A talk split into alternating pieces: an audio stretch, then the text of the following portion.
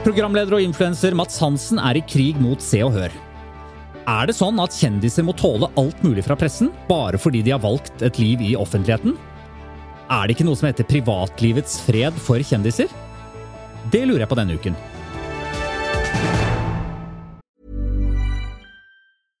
I'm Sandra, and I'm just the professional your small business was looking for. But you didn't hire me because you didn't use LinkedIn jobs. LinkedIn has professionals you can't find anywhere else, including those who aren't actively looking for a new job but might be open to the perfect role, like me. In a given month, over 70% of LinkedIn users don't visit other leading job sites. So if you're not looking on LinkedIn, you'll miss out on great candidates like Sandra. Start hiring professionals like a professional. Post your free job on linkedin.com/people today. Burrow's furniture is built for the way you live. From ensuring easy assembly and disassembly to honoring highly requested new colors for their award-winning seating, they always have their customers in mind. Their modular seating is made out of durable materials to last and grow with you. And with Burrow, you always get fast, free shipping. Get up to 60% off during Burrow's Memorial Day sale at burrow.com slash ACAST. That's burrow.com slash ACAST. burrow.com slash ACAST. Og denne uken så er det nok en episode ute av det du hører på akkurat nå, Tut og mediekjør. En podkastserie som skal eh, grave bak nyhetsoverskriftene, så du skal skjønne litt mer hvordan nyhetene du leser hver eneste dag, blir til. Og det gjør jeg som vanlig alltid sammen med Svein Tore Bergestuen. Hei! Hei, hei. Og Eva Sandum. Hei, hei. Og i dag så er det digitalt hjemmekontor, eh, Tut-versjon. På grunn av at jeg, eh, Christian Lydemar Strander, eh, kjente det litt i halsen i, i dag. Så da ble det digitalt. Ja, Men du er på kontoret, du? Jeg, oi! Eva, da. Det skal jo ikke du si høyt. Nei, jo, men jeg er på kontoret, ja. Det er helt sant. Jeg, jeg dro på kontoret. Ja. Det er jo lov, så lenge du ikke smitter oss. Ja, det er sant. Så jeg, jeg, nei, men altså, jeg, da må jeg forklare at eh, jeg treffer ikke et, en, et menneske. Jeg sitter helt alene på et lite rom eh, og Ja, treffer trenger ingen når jeg kommer inn. Det er, lov å, det er lov å operere under eh, fornuftige vurderinger selv, Kristian. Det, Og Ja så Vi som ja. kjenner Kristian vet at han trenger ikke ha, han trenger ikke ha kjent det veldig mye i halsen for at han sier at «Æ, æ, æ, nå, tar vi, nå rygger vi litt, nå tar vi det med ro. Det, det kan være gjennom, Kristian. Du er forsiktig. Ja, jeg er, er forsiktig. Og jeg, jeg, bare tanken på, en måte, at jeg skulle ta den telefonen til dere og si du, jeg hadde covid, jeg. Og, så, altså, det gjelder alle rundt meg. Jeg synes det er det Jeg kan jo ikke Men, men hva, kjente du noe, kjente du noe, da? Får jeg det spørsmålet tilbake? Ja, faktisk, når du sier det. Jeg kjente jo lite grann. Hva skal jeg si da, liksom? Ja, ok dere. Skal vi ta runden rundt bordet? Dette skal jo ikke handle om sykdom, dette skal handle om eh, presseetikk. Det skal handle om journalistisk arbeid.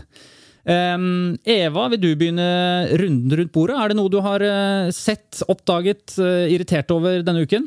Uh, Jeg har ikke irritert meg, men du har jo sagt at vi skal snakke om kjendisjournalistikk denne uka, Kristian. Og da syns jeg det er på sin plass da, å nevne denne dokumentaren 'Framing Britney Spears', som vi har hørt om denne uka, som New York Times publiserte. Riktignok på sin strømmetjeneste Hulu, som jeg ikke har klart å få tilgang til fra Europa.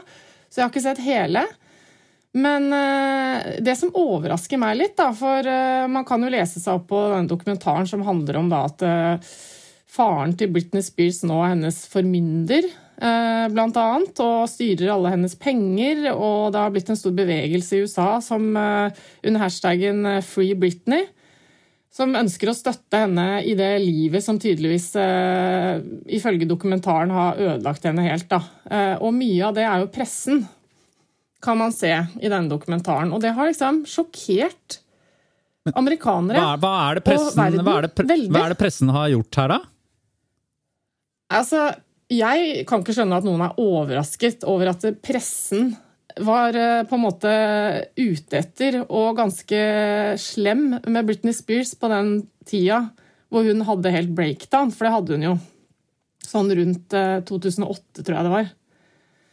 Eh, husker dere dette, eller er Britney Spears liksom forrige generasjon? Nei, er du gal? Altså, jeg var jo helt Om ikke Britney-fan, så var jeg vel Jeg følte greit med, for å si det sånn. Og jeg, jeg er jo litt enig med deg, Eva, at eh, det er litt rart at folk nå blir overrasket over hvordan pressen eller fotografene, paparazziene, behandlet Britney Spears, en av de altså aller, aller største kjendisene i USA.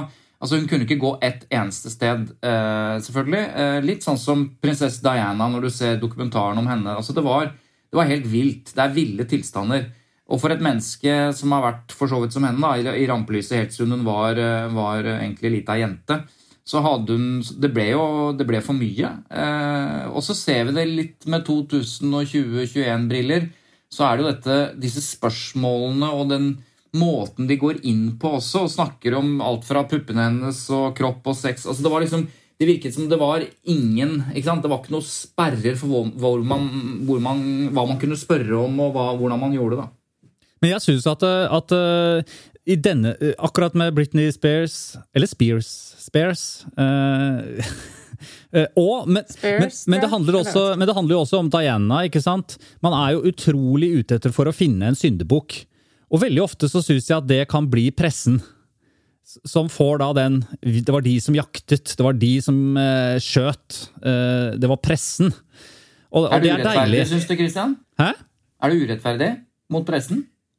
Ja, bare, det, er det er veldig enkelt eh, å, å bare si at dette er pressen. Jeg tror ikke man skal gå så langt som til å si at det er pressens skyld alt sammen som skjer av elendigheter i livet til folk. Eh, verken Britney Spears eller, eh, eller eh, prinsesse Diana eller andre. Men når eh, en person er i en livskrise, da, hvis man kan kalle det det, så hjelper det jo ikke å ha 200 pressefotografer løpende etter seg til enhver tid, eh, når enn man går utenfor døra, og hva slags sinnsstemning man er i, hvordan man har det, at man da hele tiden har kameralinser rettet mot seg. Det er det som er en forsterkende effekt av en eventuell livskrise, da, vil jeg si. Ja, ja da, jeg ser den, men Jeg gleder meg i hvert fall til å se dokumentaren. Ja, det gjør jeg òg. Og så føler jeg kanskje, Christian, at her snakker jeg litt med mer tyngde enn deg, for å si det sånn. Du, ja, fordi hele dette temaet dirrer jo Eva Sandum, egentlig. Eh, vi kommer vel ikke unna ja, altså. Jeg skal ikke legge skjul på at her har jeg førstehåndserfaring, om enn ikke på nivå med Britney Spears eller prinsesse Diana. Men, men eh, jeg vet hvordan det er å til enhver tid, når du er utenfor din egen dør, vite at du kan være jakttatt. Ja, Enten i skjul eller åpent. Ja, hvordan er det? Og bli uh, foreviget. Hvordan er det, Eva? Det er, helt, det er helt jævlig. På hvilken måte da? Nei, jeg bare tenkte at du, når du går ut av huset ditt hjemme, så, så, så skal du til enhver tid tenke at det, det, jeg gjør nå, det kan komme uh, i en avis eller i et blad eller på TV. Ja. Tenk deg hvor selvbevisst du blir da. Hva er det verste, Eva? Var det, var det, de som lå i skjul, som jo vi vet det var flere av, eller var det de som måtte, møtte deg midt i trynet? Ja, det syns jeg er et uh, interessant spørsmål, for at uh, uh, Da syns jeg jo at de som var midt i trynet på meg, var de verste. Fordi at de på en måte gjorde at jeg var liksom flau når jeg gikk rundt ute. At det var sånn påheng av eh, gærne spanjoler som løp etter meg og, og drev og filmet og hoppet ut av biler mens jeg skulle gå til skolen og sånn. Men, eh, men, i ettertid så har jeg jo liksom forstått at f.eks. For norsk presse, da, Se og Hør eller andre, de ha, følger jo litt mer de norske presseetiske reglene om at du skal gjøre premissene klare og gi deg til kjenne osv. Det er ikke så akseptert her å liksom snikfotografere hvis ikke du har en god grunn til det. Så ofte så er det jo sånn at de viser at de er der. Uh, men uh, altså, nå ble det litt uh, inkonsekvent, kanskje, det resonnementet mitt. Men du, bare Før vi fortsetter her nå, så, så, føler jeg virkelig sånn for nye lyttere som ikke skjønner noen ting av det du sa nettopp nå, Eva, altså, som ikke kjenner deg, så høres jo dette veldig rart ut. fordi hele ideen bak dette er jo selvfølgelig fordi du var kjæreste med nåværende konge av Spania. Philip. Ja da, og det er lenge siden, det, altså. Men, jo, jo. men, men ja men, men det, ja, det var noen år der hvor uh, jeg var litt uh, ettertrakta, som vi har nevnt før. da. Og, uh, og poenget mitt er bare at det, det, er jo riktig at de skal vise at de er der, fordi da slipper man å lure på om det er noen som ligger i skjul og, og liksom foreviger det du holder på med uten at du aner det. Så det er jo bra. Samtidig som det er fryktelig irriterende når de er i veien. Fordi det er pinlig overfor verden ellers at det liksom er masse folk som henger rundt deg, som du ikke vil ha der. Og så det, det, tredje er jo egentlig at det, eh, jeg irriterte meg veldig ofte over at eh, de var der og ga seg til kjenne, men de sa ikke alltid hvem de var og hva de hadde fore. ikke sant? Det var ikke sånn 'hei, jeg kommer fra VG', eller 'hei, jeg kommer fra Dagbladet', eller 'hei, jeg kommer fra Se og Hør'. Det var liksom bare mikrofonen opp i ansiktet og et eller annet idiotisk spørsmål. Eh, og da, Jeg gikk og irriterte meg så ofte over at det, ja, men liksom, Jeg vil vite konteksten av det du er her for. Altså, hvem, hvor, hvor, skal dette? Hvem er du? Hvem representerer du? Liksom, hva, hvorfor er du her? Det syns jeg var skikkelig dårlig, da. Og det er jo liksom din fanesak, Svein Tore. At det, det, er viktig å legge premissene klare. Ja, og det, og det er lett eventuell intervjusituasjon, ja. men det vil jeg ikke si at det var eh, standard. Det er jo lett å tenke at det bare handler om møtet mellom en journalist og en kilde. At man skal legge premissene klare. Men det gjelder jo all journalistisk virksomhet. Det betyr at hvis du skal ta bilde av noen, eller all, altså all kontakt fra den kontakten er opprettet, så så skal jo premissene eh, gjøres klare. da. Men så kan man jo selvfølgelig argumentere om at eh, hvis du går på den røde løperen eh, og masse fotografer tar bilde av deg, så trenger ikke de å gjøre premissene klare. Alle skjønner hvorfor de er der, osv. Så, videre. så det er jo, ja, ja. ikke sant? Man, eh, men, men, det er riktig. Det er noe annet. Ja. Dette, dette, her skal vi helt sikkert komme litt inn på litt senere også, når vi skal snakke om Mats Hansen. Ehm, men eh, jeg hadde bare lyst til å ta videre nå runden rundt bordet. Svein Tore, hva, hva er det du har tenkt på denne uken? Jo, jeg har tenkt på mye. Eh, Bra. siden vi er i kjendismodus, så, så, fant, så, fikk jeg tilsendt fra en lytter en veldig, veldig fin eh, ja, skal vi se, et oppslag fra Datarata, Dagbladet. Eh, vi, jeg tror vi skal ha en ukas Dagbladet. Jeg tror vi har nok stoff til det. men eh, og vi, vi, vi, Nå skal vi si at eh, selv om vi bruker Dagbladet som eksempel ofte, så er det jo det er litt sånn det man elsker, tukter man, kan man si da. Ja. Eller blir det feil? det blir riktig. Nå har Christian glemt å sette på flymodus på telefonen sin. Men, uh, altså, Lydmannen han uh, har ikke helt uh, Vi snakka om dette her for to sekunder siden. Ja, vi gjorde det. Tore, det er At vi skulle sette på fly, flymodus. Plutselig der. Nei, altså Fra en lytter så har vi altså fått et spørsmål, eller en, en, han har påpekt noe. da. Og dette er så fint, for dette går opp i en høyere enhet på, på en måte. Både kjendisjournalistikk, presseetikk, overskrift og sitatstrek. La meg forklare veldig, veldig kort når man bruker sitatstrek, så er det jo selvfølgelig sitatstrek, altså en tankestrek, da, og så kommer det et sitat. Det er greit, det skjønner alle. Eh, men så er det veldig vanlig å sette på en måte et, et navn foran sitatstreken. Altså f.eks. Siv Jensen, kolon, tankestrek, dette holder ikke mål. Da skjønner alle at da har Siv Jensen sagt det. Det er det vanlige måten å bruke det på. Ja. Men hvis man sitter Veldig på rart at det heter tankestrek når det skal illustrere noe som er et sitat, men ok. Nei, men det er fordi når vi sier sitatstrek, så skjønner ikke alle hva det er, men de vet hva en tankestrek er. Den ser helt lik ut, på en måte. Ja. Men poenget er i hvert fall at uh, Dagbladet-desken de, de, liksom de følger ikke helt de reglene. Så nå står det på Dagbladets forside da, Will Ferrell, den amerikanske skuespilleren som har spilt inn disse reklamene som var i Superbowl osv. Det står Will Ferrell, kolon tankestrek, sitatstrek, vi beklager. Ja. Og da er det jo, skal man, sånn som det skal brukes, da, ikke sant? Så, så, jo, så betyr jo det at uh, Will Ferrell sier 'vi beklager' på vegne av USA, ja. beklager til Norge. Uh, det er ikke saken. Nei. Det står Will Ferrell, kolon, 'vi beklager'. Det er uh, en eller annen ordfører nede i Agder som beklager til Will Ferrell.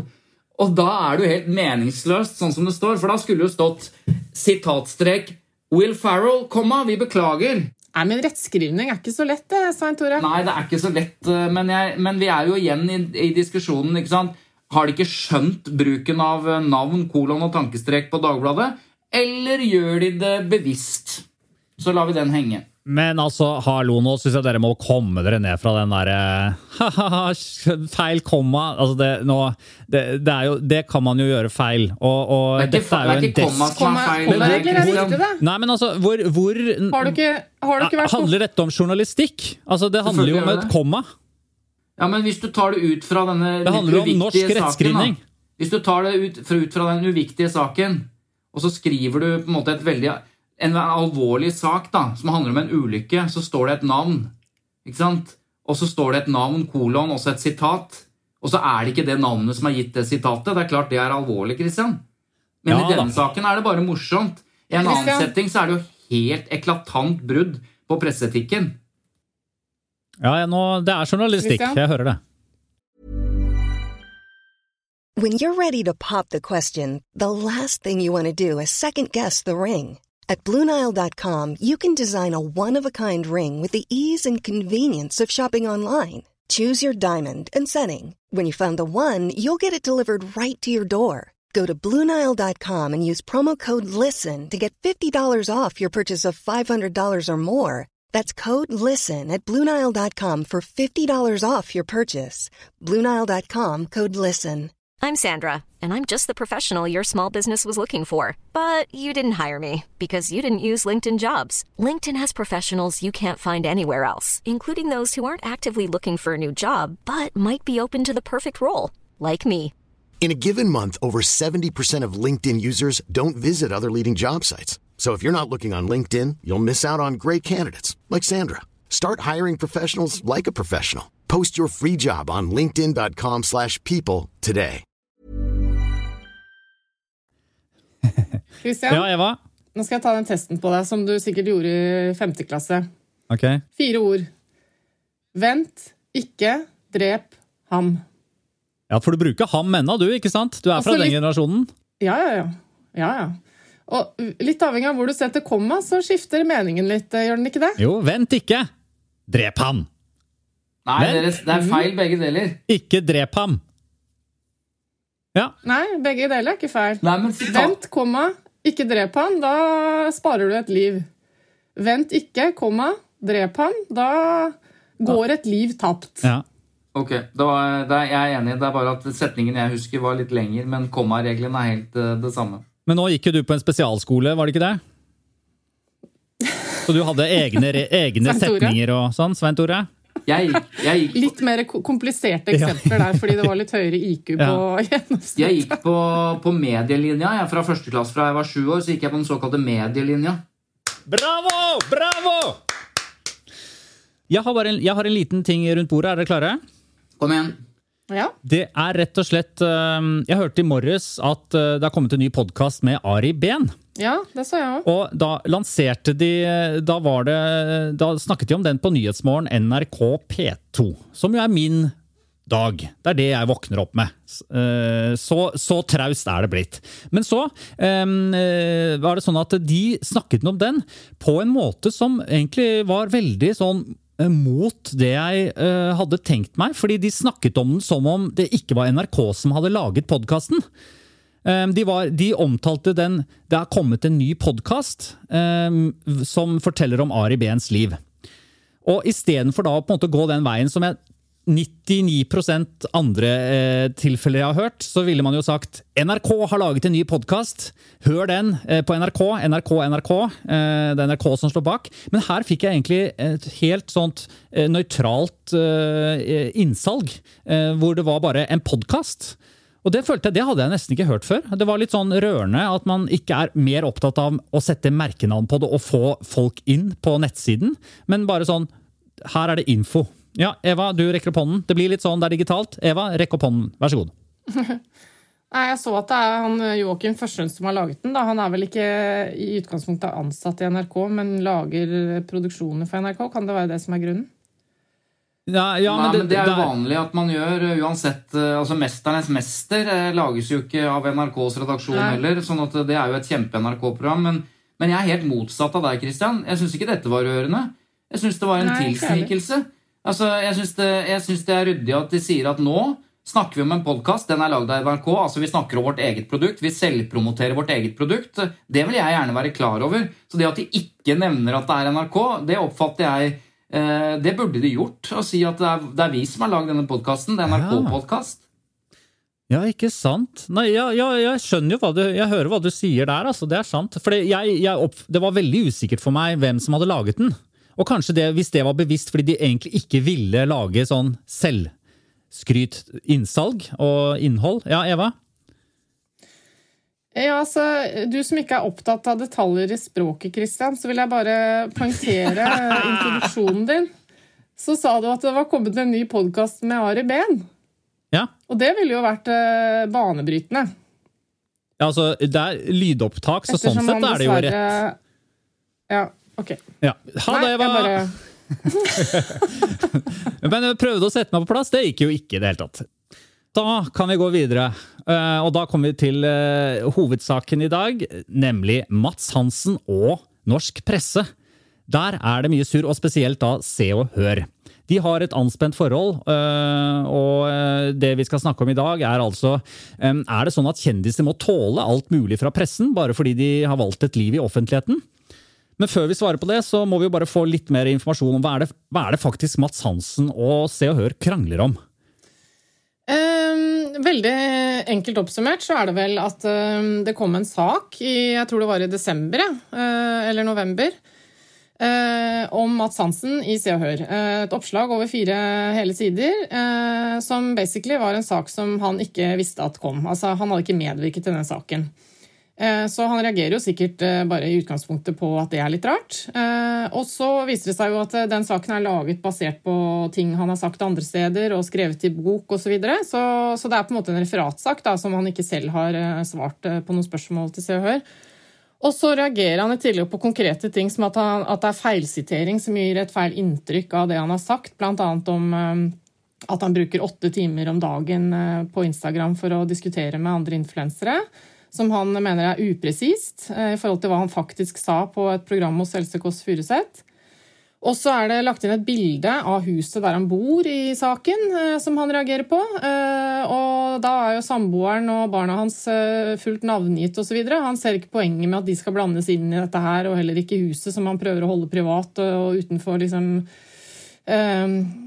folks eh, bevissthet. Og så, og så, står det i tillegg til slutt at uh, han ikke har kommentert på saken. At han ikke vil kommentere? Jo, jeg ikke vil kommentere.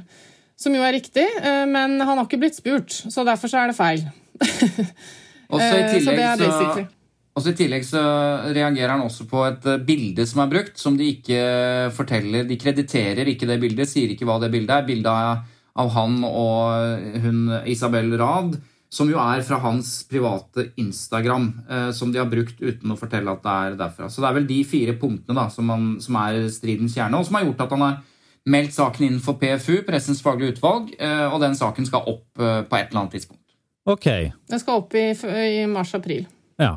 Er du glad for at du ikke sitter der, eller skulle du gjerne ha sittet der, Eva Sandum? For du har jo 14 års erfaring fra, dette, fra PFU. Jeg har det. Hadde dette vært en gøy sak, syns du, å diskutert? Ja, absolutt. Definitivt. Men, men har, han, har, Mats Hansen en god sak, da?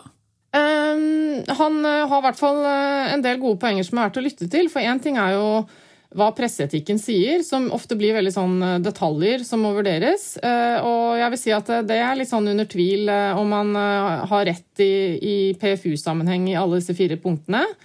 Men, eh, men jeg syns det er verdt å høre på hva en person som opplever eh, fire sider i Se og Hør uten å ha vært forberedt på det, hva han reagerer på, da. Så først og fremst så er det jo liksom Ja. Eh, som jeg prøvde å si innledningsvis, litt interessant å prøve å forstå hvorfor så mange offentlige personer, og det vi liker å kalle kjendiser, hvorfor de reagerer på, på, ting i Se og Hør og lignende blader. Jeg tenker, det er, det er to, Denne saken er i hvert fall to dimensjoner. Den ene er som Eva sier, den rent presseetiske dimensjonen. og Det kan vi godt eh, være helt konkret på. Eh, jeg mener mye om disse punktene. Eh, men så er det den store eh, liksom, det Overbygningen her mener jeg er det vi egentlig er her for. Altså tilliten til mediene. Det er Jeg tror at folk oppfatter at en del pressemetoder er utafor. Altså er ikke greit. Mm. Uh, og spesielt er det mange kjendiser som, som, tenker at ja, jeg har valgt et liv i offentligheten, men må jeg tåle alt? Det, og her er det en fyr, Mats Hansen, uh, han tar igjen. Ikke sant? Han har en vanvittig stor følgerskare. Han har halv million følgere på Instagram. Så når han tar igjen, så merkes det. Og det skal også sies i denne saken her, at han tok hevn for det han mente var umoralsk og uetisk av Se og Hør, og han la ut telefonnummeret til sjefredaktøren i Se og Hør, Ulf André Hansen, på Instagram og nærmest oppfordret uh, Han sier at det ville vært uetisk å be folk ringe, og så la han ut telefonnummeret. Uh, og Det er klart, uh, det, er, det, er, jo nytt for så vidt at kjendiser med stor følgerskare, egne kanaler, som vi har snakket mye om, også har muligheten til å ta til motmæle fordi de mener at dette er uetisk, så de kliner til. Og Mats Hansen han er jo ikke redd så han gjør dette. Og spørsmålet er Eh, kan man selvfølgelig stille spørsmålet hva er verst? Er det presseetiske, eventuelle presseetiske bruddet til Se og Hør? Er det det moralske Se og Hør driver med? Eller er det like ille at Mats Hansen tar igjen? Så det er flere dimensjoner her, da. Men jeg har som sagt snakket med, med, Mats Hansen, så la oss høre hva han sier om dette med, med at, at, alt som er ifølge pressen av offentlig interesse, skal være greit å skrive om. For det er han ikke helt enig i. La oss høre. Det, er ikke opp til jeg mener det er ikke opp til Se og Hør å bestemme hva som er av offentlig interesse ikke. Jeg mener det er jo opp til hver enkelt uh, offentlig person. Jeg har, fort, har ytra meg om andre. Jeg har uh, stilt opp i TV-programmer og, og, gjort altså, sketsjer skjult kamera. Men jeg har aldri brukt privatpersonen Mads Hansen til noe. Det, mener jeg er en vesensforskjell. Altså, en, en, en uh, mer tradisjonell influenser som blogger om sitt eget liv, de bruker sitt liv og privat, sitt privatliv i det offentlige. Men eh, en programleder ta eh, Stian Blipp, da. Han har ikke blitt kjent han pga. fått den rollen han har pga. privatlivet sitt. Nei, jeg mener jo det er i hvert fall, Jeg kan si måten jeg jeg kritiserer andre, eh, også på min Instagram. Og jeg er helt åpen på det de har lagt ut selv, ytra, sagt, skrevet til offentligheten, det kan jeg ta tak i. Eh, det som skjer privat, eh, som de ikke har ytra, hvis de da havner på i fyllearresten, det har ikke noe til ytre offentligheten. Det, det, er ikke noe jeg kan ta tak i. Og jeg mener jo det er en ganske sånn tydelig skille. da. Altså, må, jeg, jeg mener det skal være opp til eh, hver offentlig versjon å velge hva som skal være offentlig og hva som skal være privat. Eh, så, så, ser man kanskje det andre land, da, som England. For det skillet er jo helt borte. Så Norge så er det jo, er det jo bedre. Men det er ikke, det er ikke, man kan ikke si at det er offentlighetens interesse av å vite hvor jeg bor. Det, det er det ikke, for det har ikke noe med min eh, Det er ikke noe relevant til det jeg driver med. Se Hør bruker det som en sånn standardfrase for å fraskrive seg alt ansvar. Samme hva, så sier de det er i offentlighetens interesse hvis du skal si det. Jeg, ja, men jeg er nysgjerrig på, jeg er nysgjerrig på ut, hvilke kjendiser som har vært utro, og hvem som ligger med hvem. Det er i min interesse som privat. Jeg er nysgjerrig på det, men det betyr ikke at jeg har krav på det. Så jeg føler den der offentlighetens interesse har blitt brukt som en sånn standardfrase for å skyve alt liksom moralsk og etisk ansvar fra seg. At nei, det var eh, i offentlighetens interesse å se hvor jeg bor. Hva betyr ja. offentlighetens interesse? Er det at det er er det at det er interesse for det av leserne, så er ikke det nok. For da, da, jo, da kan du legge all etikk og moral til side. For de vil jo ha det mest juicy som er av sladder. Så du kan jo ikke, det er jo ikke offentlighetens interesse. Hva, er, hva, hva, hva betyr det uttrykket? Ja, og Akkurat på det punktet her så er jeg veldig enig i det Mats Hansen prøver å poengtere, nemlig det at begrepet offentlig interesse det har jo hatt en tendens til å bli misbrukt eh, som offentlig nysgjerrighet. Og det har vi snakket om før også. For det, det, er jo ikke sånn at alt som folk syns er interessant, er av offentlig interesse, eh, sånn med tanke på hva pressen skal dekke og skrive om. Og, og det, det, er jo liksom et evig problem innenfor kjendisjournalistikken. ikke sant? Fordi at eh, Selvfølgelig vil jo vi vite veldig mye om hva som foregår i, i, offentlige personers eh, liv, men det er jo ikke dermed sagt at det er liksom en god grunn til å skrive om det i avisa. Altså, Dette er jo et, punkt som, hvor jeg tror det er litt uenighet på mange måter mellom folk og presse. Eh, men Absolutt. samtidig så lever jo pressen godt på at folk vil, som Eva sier, vil ha det. De leser om dette. Men eh, hvis man ser på de delene som han protesterer på, da, som går på dette med, presse, med liksom offentlig interesse Han vet jo at eh, han er en offentlig person, og han har skrevet en bok der han bl.a. skriver om litt mer personlige og private forhold enn han vanligvis har gjort. Eh, om farens dødsfall, f.eks. Så han aksepterer jo at alt han tar ut i offentligheten, blir omtalt. Altså Det er det vi kaller en sitat, altså det som Se og Hør ofte gjør. da. De tar et eller annet som har blitt sagt i en podkast eller et eller annet sted, en bok, og så presenterer de at de snakker ut, og så tror folk at Hæ, har de snakket ut i Se og Hør? Nei, det har de ikke gjort. Men, men han aksepterer på sett og vis det. Men han, han problematiserer bildet av huset. Han mener at eh, han eh, har hemmelig telefonnummer. Det har han ikke helt, for det er mulig å finne det telefonnummeret ut fra eh, selskapet han jobber i osv. Og, han mener at det huset det, det viser hvor han bor. Det er, liksom, det er uetisk. Kanskje ikke presseetisk brudd, men han mener det rett og slett ikke er riktig. Så sier Se og Hør at uh, han har jo vært med på Firestjerners middag fra det huset, og huset er omtalt i Drammens Tidende i forbindelse med nabokrangel osv., så, videre, så Se og Hør også viser huset, det kan ikke være et problem. Så der er de uenige, da. Eh, jeg syns det er litt interessant, uten sammenligning for øvrig, eh, eh, å, trekke en liten parallell til Laila Bertheussen, hvor saken også i utgangspunktet startet med at Laila Anita Bertheussen hadde en voldsom reaksjon på opplevelsen av at hennes hus, hennes private hjem, eh, plutselig liksom ble eksponert. Dette var riktignok et teaterstykke, da, så det har ikke noe med pressen å gjøre. sånn sett, men den følelsen man kan få av at liksom det innerste, det mest private, der hvor jeg bor, der hvor jeg skal kunne slappe av, at jeg føler at det, er liksom, at det står noen utenfor å ta et bilde, da, er én ting. Filmer det, viser det teaterstykket, men i dette tilfellet til Mats Hansen så går det litt videre at liksom, han vil ikke at det skal vises frem. At uh, det huset ser sånn ut. Når alle i, nærområdet går forbi der, så vet jeg at det er der han bor. Er, jeg tror reaksjonen handler litt om at det, det er noen som uh, trer inn i det private på en måte som er irrelevant eh, i sammenhengen, da. Men har, eh, og når, når, da Mats Hansen mener det, og Laila Bertheussen også mener det, eh, har de eh, presseetikken på sin side? Nei, altså eh, og, og, det som man må se på her, er at man må se på konteksten. Altså, det er jo ikke sånn at, at eh, at en virksomhets lokalavis kan presentere huset til en hvermann som sier 'her bor han', liksom. Hvorfor gjør de det? Altså, det må jo være en slags, et eller annet motiv for det, da, eller en eller annen kontekst. Men det er klart at hvor folk bor, altså folks hus og privatadresse osv., er jo i utgangspunktet offentlig. Og Derfor lager jo ofte mediene sånn 'nå har de kjøpt dette huset'. Eh, og her bor eh, Morten Harket og sånn og sånn. Det er jo offentlig informasjon, på samme måte som skatte, eh, skattelisten er offentlig osv. Sånn at Både juridisk og presseetisk så er det jo ingenting i veien for å vise bildet av hvor folk bor. Alt, altså det eneste, Jeg har snakket med en advokat om dette, og han, han, det eneste han sier, at hvis, hvis vedkommende er under beskyttelse, da eh, altså, eh, eh altså, Skjønner du? Altså, det, det, er helt, sånn, helt essensielt å ikke avsløre hvor dette mennesket bor, hvilket vil være spe, helt spesielt. Da kan man selvfølgelig komme inn på at da gjør man noe som man ikke bør gjøre. Så, ja, så det, er, det er jo ikke det er ikke galt, liksom, men, men det bør jo forsvares, da.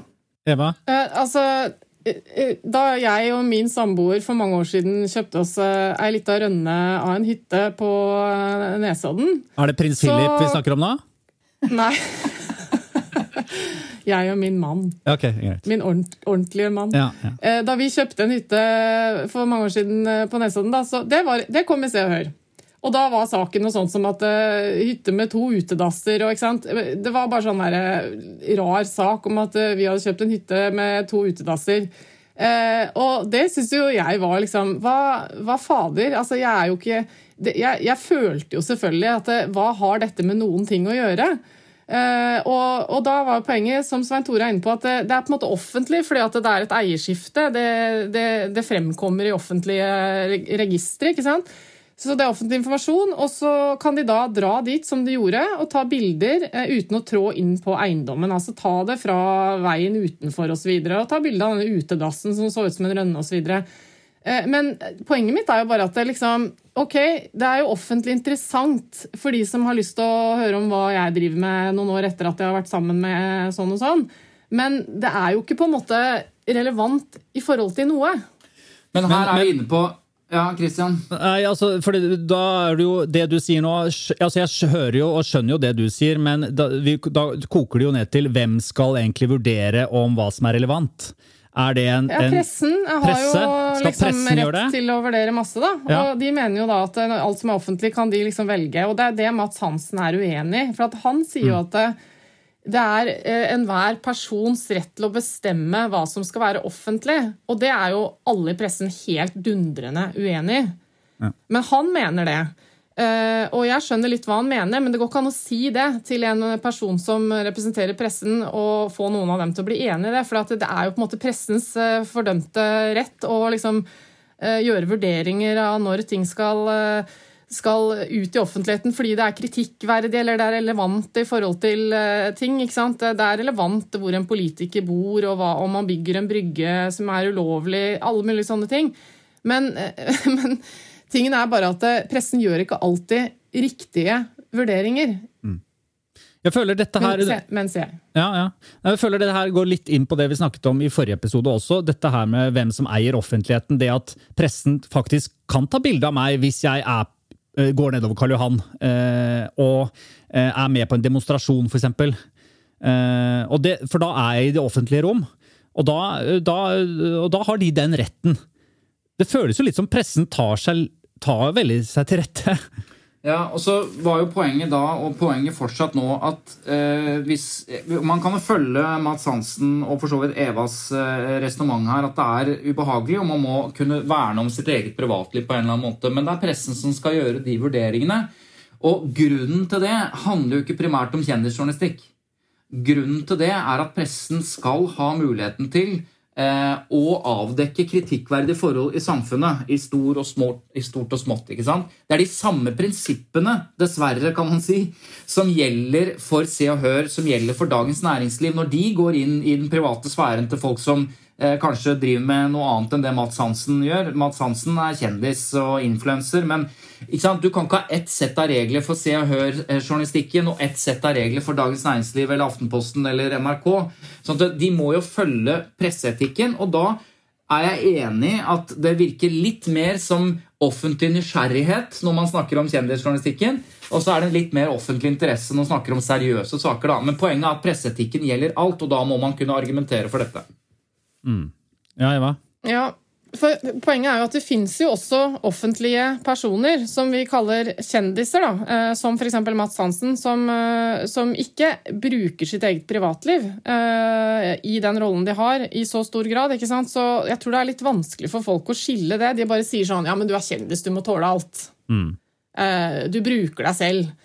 Altså, du har lagd Sommerkroppen, og du sitter på Else Kåss Furuseth sitt program, og du er programleder i Farmen, og du er sånn og sånn. Men poenget til Mats Hansen er jo at han egentlig ikke bruker i så stor grad sitt eget private liv. Han er en offentlig figur i sitt virke. ikke sant? Det er hans poeng, da. Som ja, man må også høre på. Kan Jeg få lov til å si at jeg mener jo at pressen skiller litt mellom det også. For, for la oss si at du er en kjendis som bruker livet ditt og bretter ut privatlivet ditt og byr på. Og du drar på sirkus med barna dine, og her er hun og, på seks år og her er åtte år, og stiller opp. ikke sant? Da har man jo tatt familien sin inn i offentligheten eh, på en måte fri vilje. Da er jo Se og Hør skrudd sammen sånn at da, da, er det ute der. Det betyr at da fortsetter de å skrive om barna hvis det skulle liksom være noe. Men ja. Mats Hansen eh, har jo ikke, og har vært veldig bevisst på ikke eh, snakke om eller vise fram barn og, og, og samboer osv. Og, så og da er det heller ikke sånn Eh, og da, sant, da, er det et skille også. Da, da, går, da, publiserer ikke plutselig Se og Hør bilde av hans barn, selv om de skulle fått muligheten til det. De ligger ikke i veikanten for å få ta bilde av Mats Hansens barn på vei til skolen. eller hva det er. Så det er en, slags, for, altså, det er en slags dynamikk her da, som, er, som, som regel er ganske eh, grei. Men så sier Mats Hansen at han mener at huset hans er privat. ikke sant? Han oppfatter at det er privat, f.eks. Men poenget mitt er bare at pressen gjør også et skille mellom de som faktisk aktivt byr på familien sin, og de som ikke gjør det. Ja, de, de mener i hvert fall at de gjør det. Og så vil jo mange være uenige i at de ikke gjør den vurderingen riktig alltid. da. Så det er det som er, det er, det som er utfordringen her. ikke sant? At eh, det er uenigheter. Vi kan jo høre hva Mats Hansen sier selv om det her. Ja, det gjør vi. Jeg syns det er kjipt at uh, dødsfallet til faren min blir slått opp i Se og Hør, men der skjønner jeg at jeg har meg selv å takke fordi jeg har uh, skrevet om det i boka mi. Så det har det nok sin fulle rett til. Uh, så, så, så det, det, må på en måte Den går jo på meg. Jeg mener det bør være helt åpenbart at det, det man ytrer i offentligheten og viser fram i offentligheten, det er noe man er villig til å vise fram i offentligheten. Eh, I mitt tilfelle, jeg skjermer barna mine, familien min, alt sånn. Eh, og da skal det, mener jeg det må helt åpenbart være en privatsak som heller ikke TV skal skrive om. Så skriver de om det jeg har skrevet i boka mi, som jeg mener da er greit. Fordi jeg har, jeg har skrevet og ytra det i offentligheten. Men litt tilbake til presseetikken her. Er det sånn at, uh, pre at Mats Hansen kan risikere å få saken sin igjennom at, at pressen blir felt i PFU? At Se og Hør blir felt, ja? ja at Se og Hør blir felt? ja, for jeg håper ikke hele pressen blir felt i en sånn prinsipputdannelse her. Det hadde vært kan jeg bare få forklare saksgangen i PFU veldig kjapt, for ja, de som eventuelt ikke kjenner det? og, og, kan du ikke da si først, Hva er PFU? Pressens faglige utvalg er jo et utvalg som er nedsatt av pressen selv, eh, eh, via Presseforbundet, som norsk presse liksom er medlem i. Eh, og så kan man, hvis man føler seg forulempet eller dårlig behandlet eller uriktig fremstilt osv. i pressen, så kan man klage dit. og Da må man skrive en skriftlig klage, og så må man peke på hva, de, hva man mener er feil i publiseringen. Og så vurderer utvalget klagen, og så får eh, det, det mm, mediet som er klaget inn, svare. Og så er det litt sånn fram og tilbake. Og så setter utvalget seg ned, diskuterer om det er fellelse eller frifinnelse. Så det, greia her er jo at Hvis du betaler masse penger for å bli medlem av Presseforbundet, da har du muligheten til å bli felt! ja, det på en måte. Si. Men eh, for å svare på for å svare på spørsmålet ditt, Christian. Altså, eh, veldig kort, da. Eh, han påstår at de feilsiterer han. At Se og Hør ikke har dekning for å skrive at han i snitt bruker åtte timer hver eneste dag for å legge ut og kommentere ting i sosiale medier. For han sa skjermtid, og du er opptatt av skjermtid, Christian. Du har jo mange, mange timer. Men det er jo all Takk. skjermtid. Så da mener jo på en måte Mats Hansen at de vet jo at åtte timers skjermtid er ikke det samme som å bruke åtte timer på å, å krige mot sånn. Men så sier han jo i intervjuet ikke sant? Når Kåss sier at, eh, liksom, at, han bruker eh, masse tid på å være moralens vokter Ja, åtte timer, sier han. Det er en spøk, åpenbart. Eh, så han mener at de burde skilt mellom det som var skjermtid og det som var krig. da. Den tror jeg ikke, den skal bli vanskelig å få feltet Se og Hør på, tror jeg. Så er det dette bildet av huset. Det har vi allerede sagt. Det er ikke presseetisk brudd. Eh, og så eh, er det dette med Det skal ikke du si så sikkert, da. Jo, jo, jeg, jeg, det jeg, min fulle rett til å si at det er helt sikkert ikke et presseetisk brudd. Nei, det er selvfølgelig min mening, men jeg mener det er ganske klart at det ikke kommer til å bli en fellelse. Eh, det tør jeg satse ganske mye penger på. Eh, men det skal vi ikke begynne med. Vedde på PFU, for det ville vært umoralsk. Men eh, så er det okay. bruk av bilde som, eh, som ikke de hadde kreditert. Der har de jo på sett og vis innrømmet at de har gjort feil. Eh, det gjør de i PFU-saksgangen også. Eh, og så har han sendt en faktura på 15 000 kroner som de ikke ville betale. De vil ikke betale så mye, så der er det en innrømmelse. Og det er ikke sikkert det blir noe fellelse, fordi det, det er en slags minnelig ordning som er på gang. Men så La oss høre ja. ja? La oss høre hva Mads Hansen selv forklarer om dette bildet, da. Ja. Så er det slått opp et stort bilde av meg i Isabel Rad, som er henta fra min Instagram. I slutten av saken så har de fotokreditering. Der står det foto, kolon. Eh, der står det vel TV 2, Se og Hør og NTB, tror jeg. Altså ikke noe kreditering til meg. Eh, og eh, det, det er ikke spurt om tillatelse, det har ikke kreditert meg, og det kommer heller ikke fram at det er henta fra min Instagram. Og det er klart, når, Dette er noe som normalt sett ikke hadde vært noe stort problem, men når de er så vanskelige og altså, løgnaktige til tider i uttalelsene uh, om meg uh, og saken her, så er jeg vanskelig tilbake. Og da uh, prøvde jeg å sjekke opp. Jeg skjønte det er vanskelig. Hva kan man kreve? Jeg, jeg synes det er vanskelig. Hvor står tvisten? Jeg fakturerte dem. Jeg, jeg, jeg fakturerte dem 15 000 kroner, og jeg gir da hele den beløpet til et veldedig formål. Men så har jeg ikke helt skjønt, hvis de nekter å betale, hvor står Altså, hvem avgjør dette? Hva er, hva er neste instans? Jeg kan purre, ok, kan jeg sende den i kasso? Sikkert ikke. Hvem bestemmer hva som er en fornuftig sum å betale? Det, det, har, jeg det har ikke jeg helt funnet ut av. Jeg fikk en mail fra dem. Der sto det at eh, de var enige at de ikke skulle brukt det, men hvis du sendte det som var for mye. Eh, så vi har kommet en, kommet forslag til en minnelig løsning på 5000 kroner. Her er jo Se og Hør enig i at de, de, burde ha kreditert, da. Eh, men så er det det springende punktet her. Fordi dette er jo ikke en sak som i utgangspunktet utløser tilsvarsrett eller, eller samtidig imøtegåelse. ikke sant? Men, eh, men, det står i saken at han ikke vil kommentere. Og så sier Mads Hansen ja, men det er jo løgn. Fordi at jeg har jo ikke blitt bedt om å kommentere dette her. De har ikke spurt meg om det. Og da prøver Se og Hør seg på at de har ringt TV 2 og pressekontakten for å be om et intervju. Og det har de gjort flere ganger, og de har ikke fått noe svar på det. Men her, ikke sant, det holder ikke Det holder ikke å be om et generelt intervju og så skrive en helt konkret sak og si at han ikke vil kommentere den saken. Fordi jeg har ikke bedt ham om å kommentere det som kommer fram i saken. Og her er, mener jeg, enten det er et arbeidsuhell eller hva det er, dette er det springende punktet som kan, mener jeg, føre til en fellelse. For det er ikke riktig at han ikke vil kommentere den saken. Det har han ikke fått muligheten til. Nei, Og Det er litt sånn klassisk eh, problemstilling da, med samtidig imøtegåelse osv. Dette med å liksom bare sende en henvendelse som er veldig, veldig generell. Har du lyst til å uttale deg om noe? Eh, og så får du ikke nødvendigvis vite hva det er som skal skrives om, og dermed kan du gjøre en feilvurdering og si at nei, jeg er ikke interessert i å snakke med seere, for det er det ganske mange som ikke er.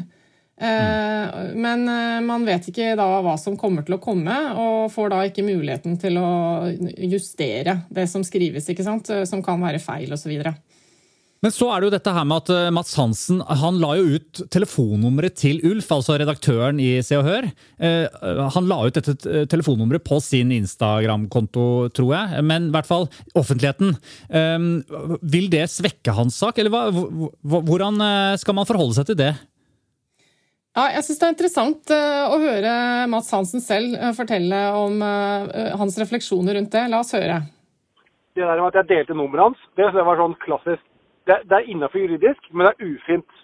Det var sånn ja. gjorde et statement istedenfor bare klage til PFU og bare forsvant der, så ville jeg gjøre en litt sånn større greie.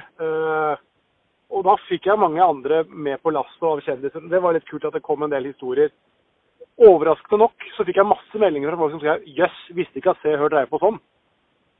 Uh, som jeg trodde var helt Ja, Det jeg gjorde her, at ofte, altså mange anbefalte egentlig bare at jeg skulle melde inn til PFU og that's it. Men min erfaring er at da blir det ofte gjemt bort, og det forsvinner. Uh, så jeg ville egentlig gjøre et sånt statement. Så jeg delte jo telefonnummeret til redaktøren.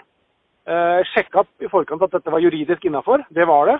Uh, og det var poenget mitt. Uh, mye av det Se og Hør gjør, er juridisk innafor, men det er ufint og det er umoralsk. Uh, så da vil jeg gjøre noe tilbake som var innafor juridisk, men ufint og umoralsk. Det var det poenget mitt. Så jeg da, da jeg gjorde det, så han, ble han bombardert med meldinger. Så fikk jeg også høre at det gikk utover at det kom trusler til han og barna, og det, det var kjipt, da. og, og det er liksom vanskelig for meg. Hvordan skal jeg angripe det? For det på den ene siden så får han bare kjenne på det alle offentlige personer får kjenne på. Eh, nummeret hans er, uh, er, offentlig informasjon. Jeg kan godt påstå at uh, telefonnummeret til Se og Hør-redaktøren det er av offentlig interesse. Bare skyve det foran meg, så er jeg ferdig med det. Eh, men det er uansett ufint. Og, og det blei en sånn en slags eh, en, en, hevn øye for øye, tann for tann. Som uh, jeg i hvert fall fikk fram poenget mitt. da, At uh, det er ubehagelig, selv om det er uh, lovlig. Og dette skjønner jo alle at dette, jo, dette må ha vært veldig ubehagelig i førjulsstria for redaktøren og familien. ikke sant? Flere hundre semester og telefoner eller hva det var. Og så spurte du om kan dette ha noe å si for PFU. for dette, altså Hele poenget er jo at Mats Hansen han trenger ikke å følge presseetiske regler. For han er ikke redaktørstyrt medium. Eh, men Se og Hør må følge regler. Og da er det jo et, på en måte et paradoks at Mads Hansen beskylder Se og Hør for presseetiske brudd, mens han kan eh, agere på bare akkurat som han vil. Men, men det, er, eh, det, er, noen uttalelser Det er behandlet i, eh, i Pressens faglige utvalg tidligere, hvis ikke jeg husker helt feil, at hvis kjendiser har egne kanaler hvor de har stor gjennomslagskraft, og hvis de tar igjen eller retter opp eller, eller fører krig, eller hva det måtte være, så vil jo det være et poeng at, uh, at, de faktisk får sine påstander eller sin side av historien ut i offentligheten. Men hvorvidt det skal liksom vektlegges i PFU, det er jeg faktisk usikker på. Jeg mener at det har hatt betydning for det generelle på en måte, inntrykket da, eller generelle diskusjonen i PFU. men det kan du kanskje svare på, Eva? Ja, da, kan Nei, miss, eh, da, kan vi jo spørre Miss PFU her. Eva, ja, så Det som er klaget inn, er jo Se og Hørs eh, publisering. Så, så, i utgangspunktet så er det en annen sak, dette med hva Mats Hansen eventuelt har gjort. Jo, men po poenget er grunnen til at, eh, at Se og Hør trekker fram nettopp dette, at han gjorde dette mot redaktøren, grunnen til at de trekker det fram i PFU-klagen, er nettopp håpet om at PFU, eh, fordi de har diskutert noe av det samme tidligere, så de tar det med der for at det skal bli en del av den helhetlige diskusjonen. Jeg er jo enig i at uh, Mats Hansen står jo ikke til rette for uh, presseetikken. Men, men, det kan være relevant i diskusjonen. da. Det er i hvert fall håpet til Se og Hør, sånn som de skriver det.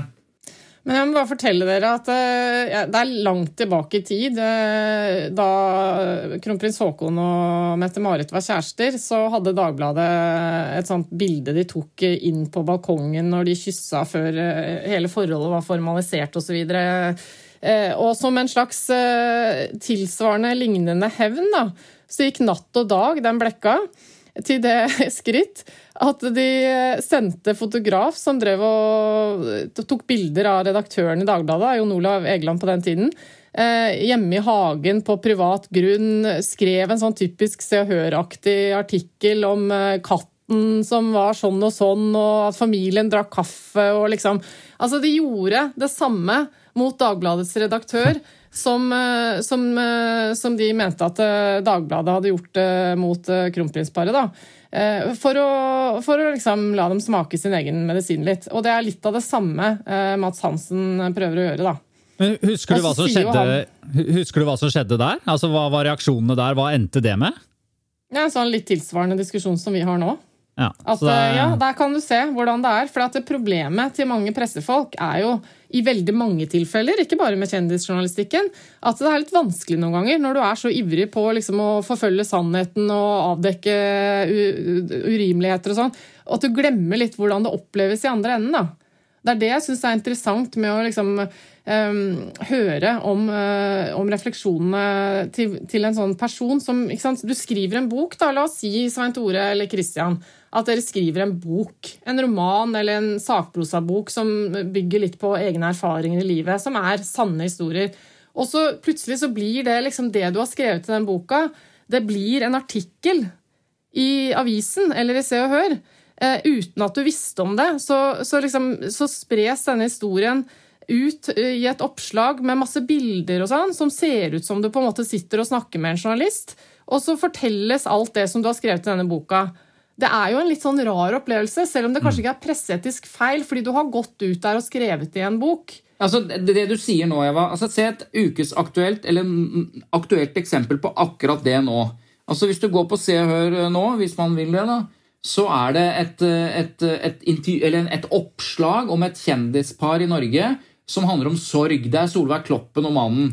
Eh, og de, de åpner, Det står at de åpner seg om den tunge tiden etter at, uh, at førstnevnte mistet både mor og storesøster. ikke sant? Og de mm. snakker åpent om dette. Og så må du litt lenger ned da, i saken, og så skjønner du at uh, dette her skjer jo i podkasten Mellom oss. Med Karen Marie Berg, eh, som er programleder på NRK, og som mistet mannen sin. Eh, det er i den podkasten de har valgt å snakke om dette. Hvor, hvor, rammene er liksom, Dette er en, en podkast om dette. Og så slår det mm. opp i Se og Hør som om de like gjerne kunne ha eh, stått fram med Se og Hør. Dette, ha, dette, er jo noe av det som er ubehagelig tror jeg, for kjendiser. Men, men det er som Absolutt. du sier, dette er innenfor sitatretten, og det står jo i artikkelen at det er i podkasten osv. Men ja. ja, men tingen er at det hele tiden gjøres litt sånn uh, på kanten, da. ikke sant? At det, du, hvis, hvis, du virkelig leser hvert eneste ord og sjekker hva det står på bildereferanser og, og sånne ting, så, så, er alt riktig. Men etterlatt inntrykk er veldig ofte for de som bare blar over og leser litt, og sånn, at du har stilt opp. Og det tror jeg det er veldig mange som uh, reagerer på. Da. For det, dette handler litt om stoffutveksling mellom redaksjoner. og sånn, ikke sant? Og Vi har snakket om før også at Dagbladet og Se og Hør f.eks de tilhører samme mediehus. Eh, og det er det mange offentlige personer som, eh, som reagerer på. Da, at de liksom, i en eller annen sammenheng svarer et eller annet til Dagbladet når de er et sted, og så plutselig kommer det svaret i Se og Hør. Og da har de liksom, For det er noe med den følelsen av at man Jeg har da ikke stilt opp i Se og Hør, for det er ganske mange som opplever at det ikke er noe de ville ha gjort, da, og at de syns det er ubehagelig at det gis et inntrykk av det. Men skal man fordi nå, nå, har jeg hørt nå sitter Jeg jeg noterer jo hele tiden selvfølgelig mens dere snakker. Eh, og det skal jeg skrive inn Så du kan holde foredrag om dette senere? Ja, ja. Så tjener jeg masse penger på det. Men øh, det som jeg lurer på, og sitter igjen med nå, er jo sånn Er det da at man man kan ikke snakke om noen ting der ute. Eh, hvis man er litt engstelig for at det skal havne i, eh, i pressen, så bør man bare holde kjeft. Eh, man, ja, Det er, og, har jo jeg sagt tidligere til dere. det, det, er litt sånn grunnregel.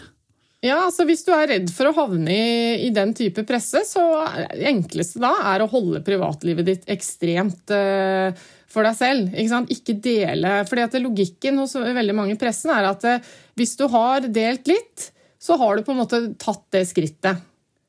Og Det er jo utfordringen nå i sosiale medier. At Man deler jo litt mer der, men det er på en måte offentlig, og så har man det gående. da.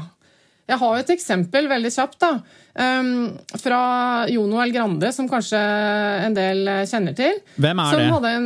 Nei, det er han. Ja, hvem er han, egentlig? Jon, Jon L. Sånn- Grande er eh, ofte eh, referert til som en sånn slags multikunstner. Han er både musiker og driver med masse kunstneriske prosjekter. Han var eh, en god venn av Ari Behn og var en del av det de kalte Den nye viden. Jeg vet ikke om noen husker det. altså Denne gjengen med ganske folk med stort markeringsbehov og skulle ta på en måte hele hele Norge med storm. da. Jon R. Grande var sammen med Annbjørg Håtun Sætre, som døde av kreft. og Det er litt av poenget. Ja, eh, fordi Jon R. Grande, det en, Dette er et ganske lignende eksempel. for Det ble publisert en artikkel i Her og Nå i sin tid i 2015 da, som handla om eh, Jon Andreas Håtun, som han heter, sin sorg etter kona Annbjørg døde av kreft. Og så holdt han et innlegg på et arrangement for Kreftforeningen hvor han holdt eh, personlig liksom, tale på en måte til en forsamling. Men dette ble også streamet og sånn, da.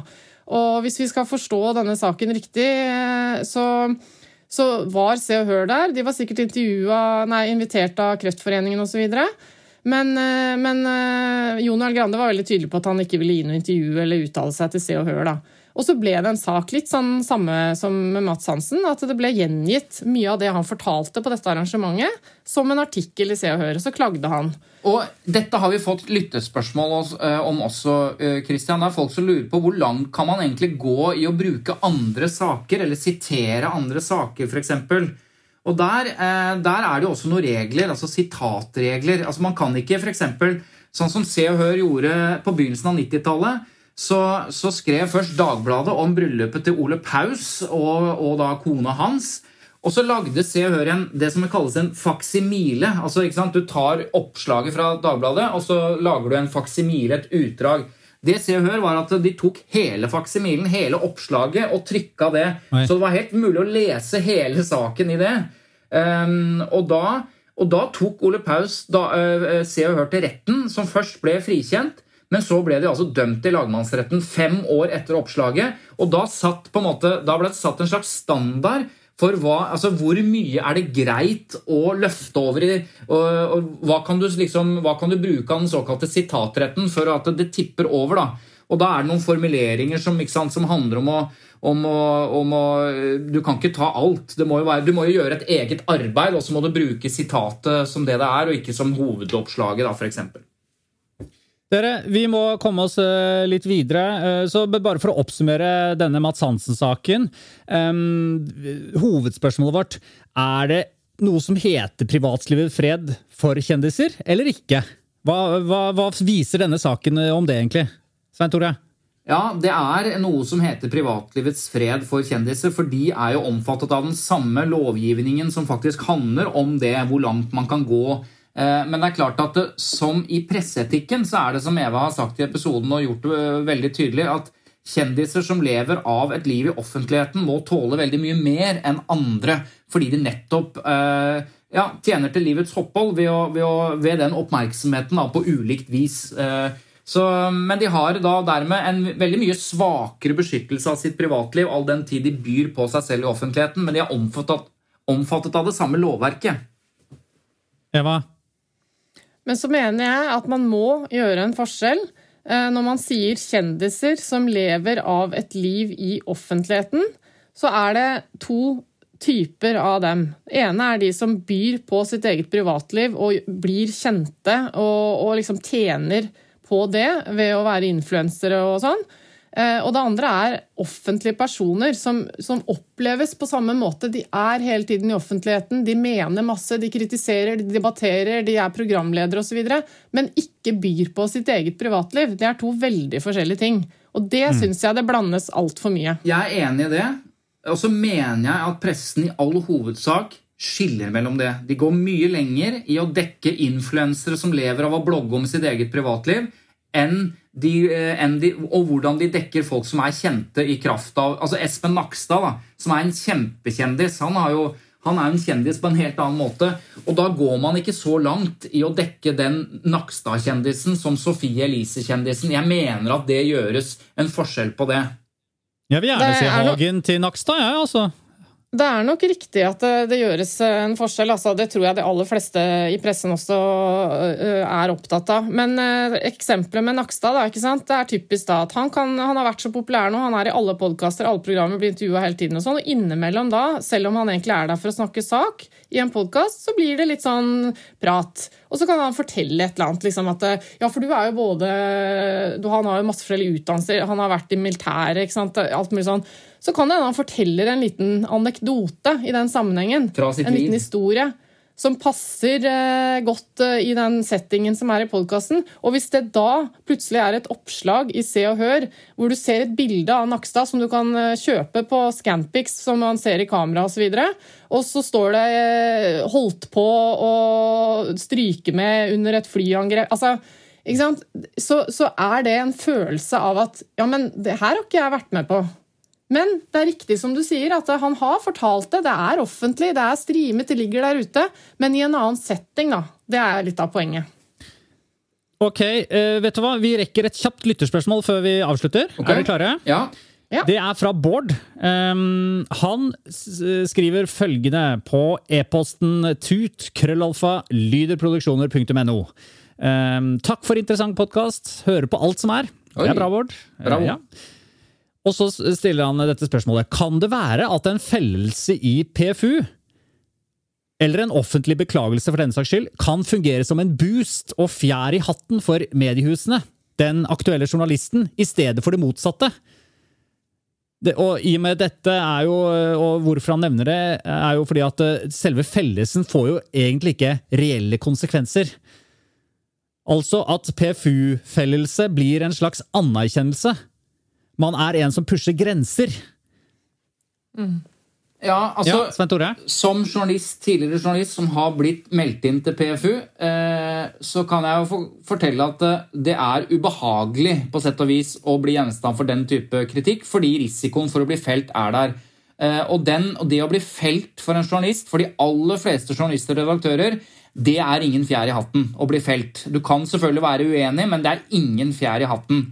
Men det å bli meldt inn til Pressens faglige utvalg og så gå fri, det kan fungere som en fjær i hatten. For så er VG en av de avisene som blir ofte meldt inn, men sjelden felt. Det viser at de er på en måte i ytterpunktet av det de antageligvis må være presseetisk for å avsløre noe viktig, men de holder seg akkurat innafor. Det er en fjær i hatten, eller det er i hvert fall eh, liksom noe som man kan snakke om og si det er helt greit. Men å bli felt, det er ingen fjær i hatten. Jeg ble meldt inn for en stor sak, eh, og det var masse advokater som trua med søksmål osv. Det endte med at TV 2, som jeg jobbet for den gangen, for mange år siden på 90-tallet, ikke ble felt. Og det føltes veldig godt ganger to. Veldig godt å ikke bli felt, og veldig godt at vi hadde satt søkelys som noe som er viktig, men holdt oss innafor. Men jeg, jeg, skal være ærlig og si at jeg husker godt at vi har sittet i, i en redaksjon i NRK, og eh, NRK fremstår jo eh, ofte traust og kjedelig. Eh, altså Man har en tanke om det. Eh, det jeg syns ikke det stemmer, men man, jeg husker vi satt i redaksjonen og tenkte det. Og da husker jeg at eh, Tenkte hva da? Eh, da? Da satt vi i redaksjonen, og jeg husker at vi tenkte da nå må vi bli felt i PFU. Nei, nei, nei. Hva slags redaksjon er det du har vært i? Hva slags mørkt ja, rom i kjelleren i NRK er det du har vært i? Ja, men Dette var jo underholdningsprogrammer. Og det, og, og, så jeg sier Det er absolutt ikke noe som eh, står, NRK står for nå. Eh, og det, og, så dette var noe vi snakket om, og hvor seriøst det var. Men jeg, jeg husker vi ja. sa det sånn. Ja, vi, skal settes, vi, skal sette oss selv på agendaen. Vi skal være der hvor, hvor, vi, vi trår, hvor vi er på grensen av hva som eh, skal lages er greit og innafor. Ja, ingen kan jo benekte hva du husker og hva som har blitt sagt, så det må du stå for. Men jeg tror det er riktig som Svein Tore sier, altså at det, som redaksjon så tenker man jo at det, det, å bli klaget inn kan jo være et tegn på at man beveger seg liksom på grensen der man skal være, da. Fordi pressen skal jo liksom hele tiden utfordre og, og sånn, men, men at det å bli felt, det er absolutt ikke noe fjær i hatten. Og NRK har jo ligget høyt oppe på lista når det gjøres sånne årsstatistikker over hvilke medier som er mest felt og sånn, og det kan det være mange grunner til, men når de da har vært høyt oppe der, så tar de det så alvorlig at de ansetter eh, etikkredaktører osv. for å bli bedre på dette. Da. Vi kan jo avslutningsvis si at eh, hvis det er én redaksjon og én redaktør som eh, skal vi si, bryr seg mindre om følelser i PFU, så vil jeg vel peke på Finansavisen og Trygve Hegnar. Der kan det i hvert fall virke som at fellelse i PFU ikke betyr noe særlig, rett og slett. Og de felles en del.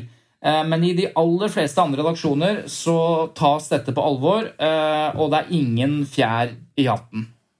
Bare vil avslutte med, for Bård skriver videre en litt sånn bra fremstilling, eller morsom fremstilling av hvordan PFU fremstår. Eh, og Bård skriver en fellelse i PFU fremstår for meg litt som om man sitter på hytta og spiller Monopol med innviklede og familiære regler, krevende å tolke. Så blir man avslørt i å utfordre en av reglene, og konsekvensene blir at den, eh, den felte får litt eh, skarpe blikk. Muligens litt mindre potetgull og en stripe mindre Kvikk Lunsj.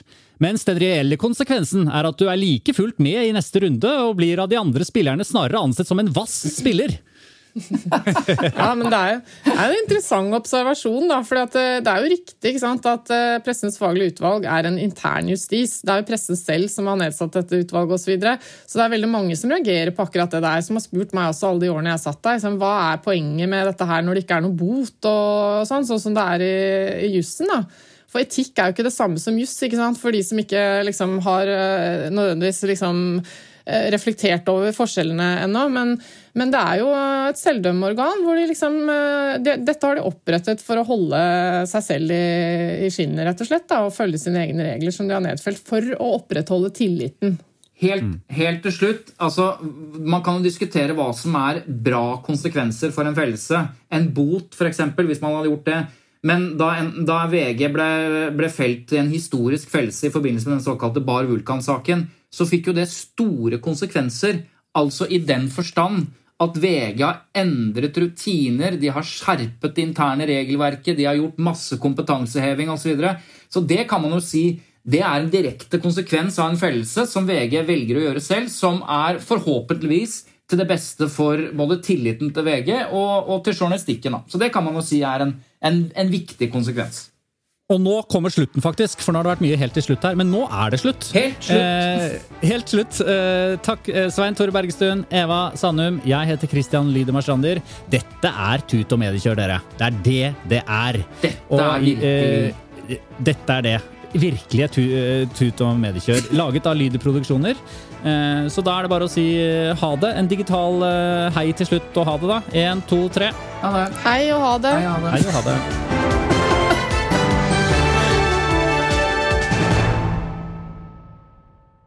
Og så helt til slutt da, så er det viktig å si at vi har jo selvfølgelig snakket med Se og Hør.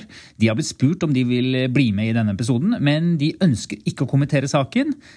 De ser frem til en grundig behandling i PFU. Og nå er det helt slutt. Flexibility is great. That's why there's yoga. Flexibility for your insurance coverage is great too. That's why there's United Healthcare Insurance Plans. Underwritten by Golden Rule Insurance Company, United Healthcare Insurance Plans offer flexible, budget friendly coverage for medical, vision, dental, and more. One of these plans may be right for you if you're, say, between jobs, coming off your parents' plan, turning a side hustle into a full hustle, or even missed open enrollment. Want more flexibility? Find out more about United Healthcare Insurance Plans at uh1.com. Hey, it's Paige DeSorbo from Giggly Squad. High quality fashion without the price tag? Say hello to Quince. I'm snagging high-end essentials like cozy cashmere sweaters, sleek leather jackets, fine jewelry, and so much more. With Quince being 50 to 80% less than similar brands. And they partner with factories that prioritize safe, ethical, and responsible manufacturing. I love that. Luxury quality within reach. Go to quince.com slash style to get free shipping and 365 day returns on your next order. Quince.com slash style.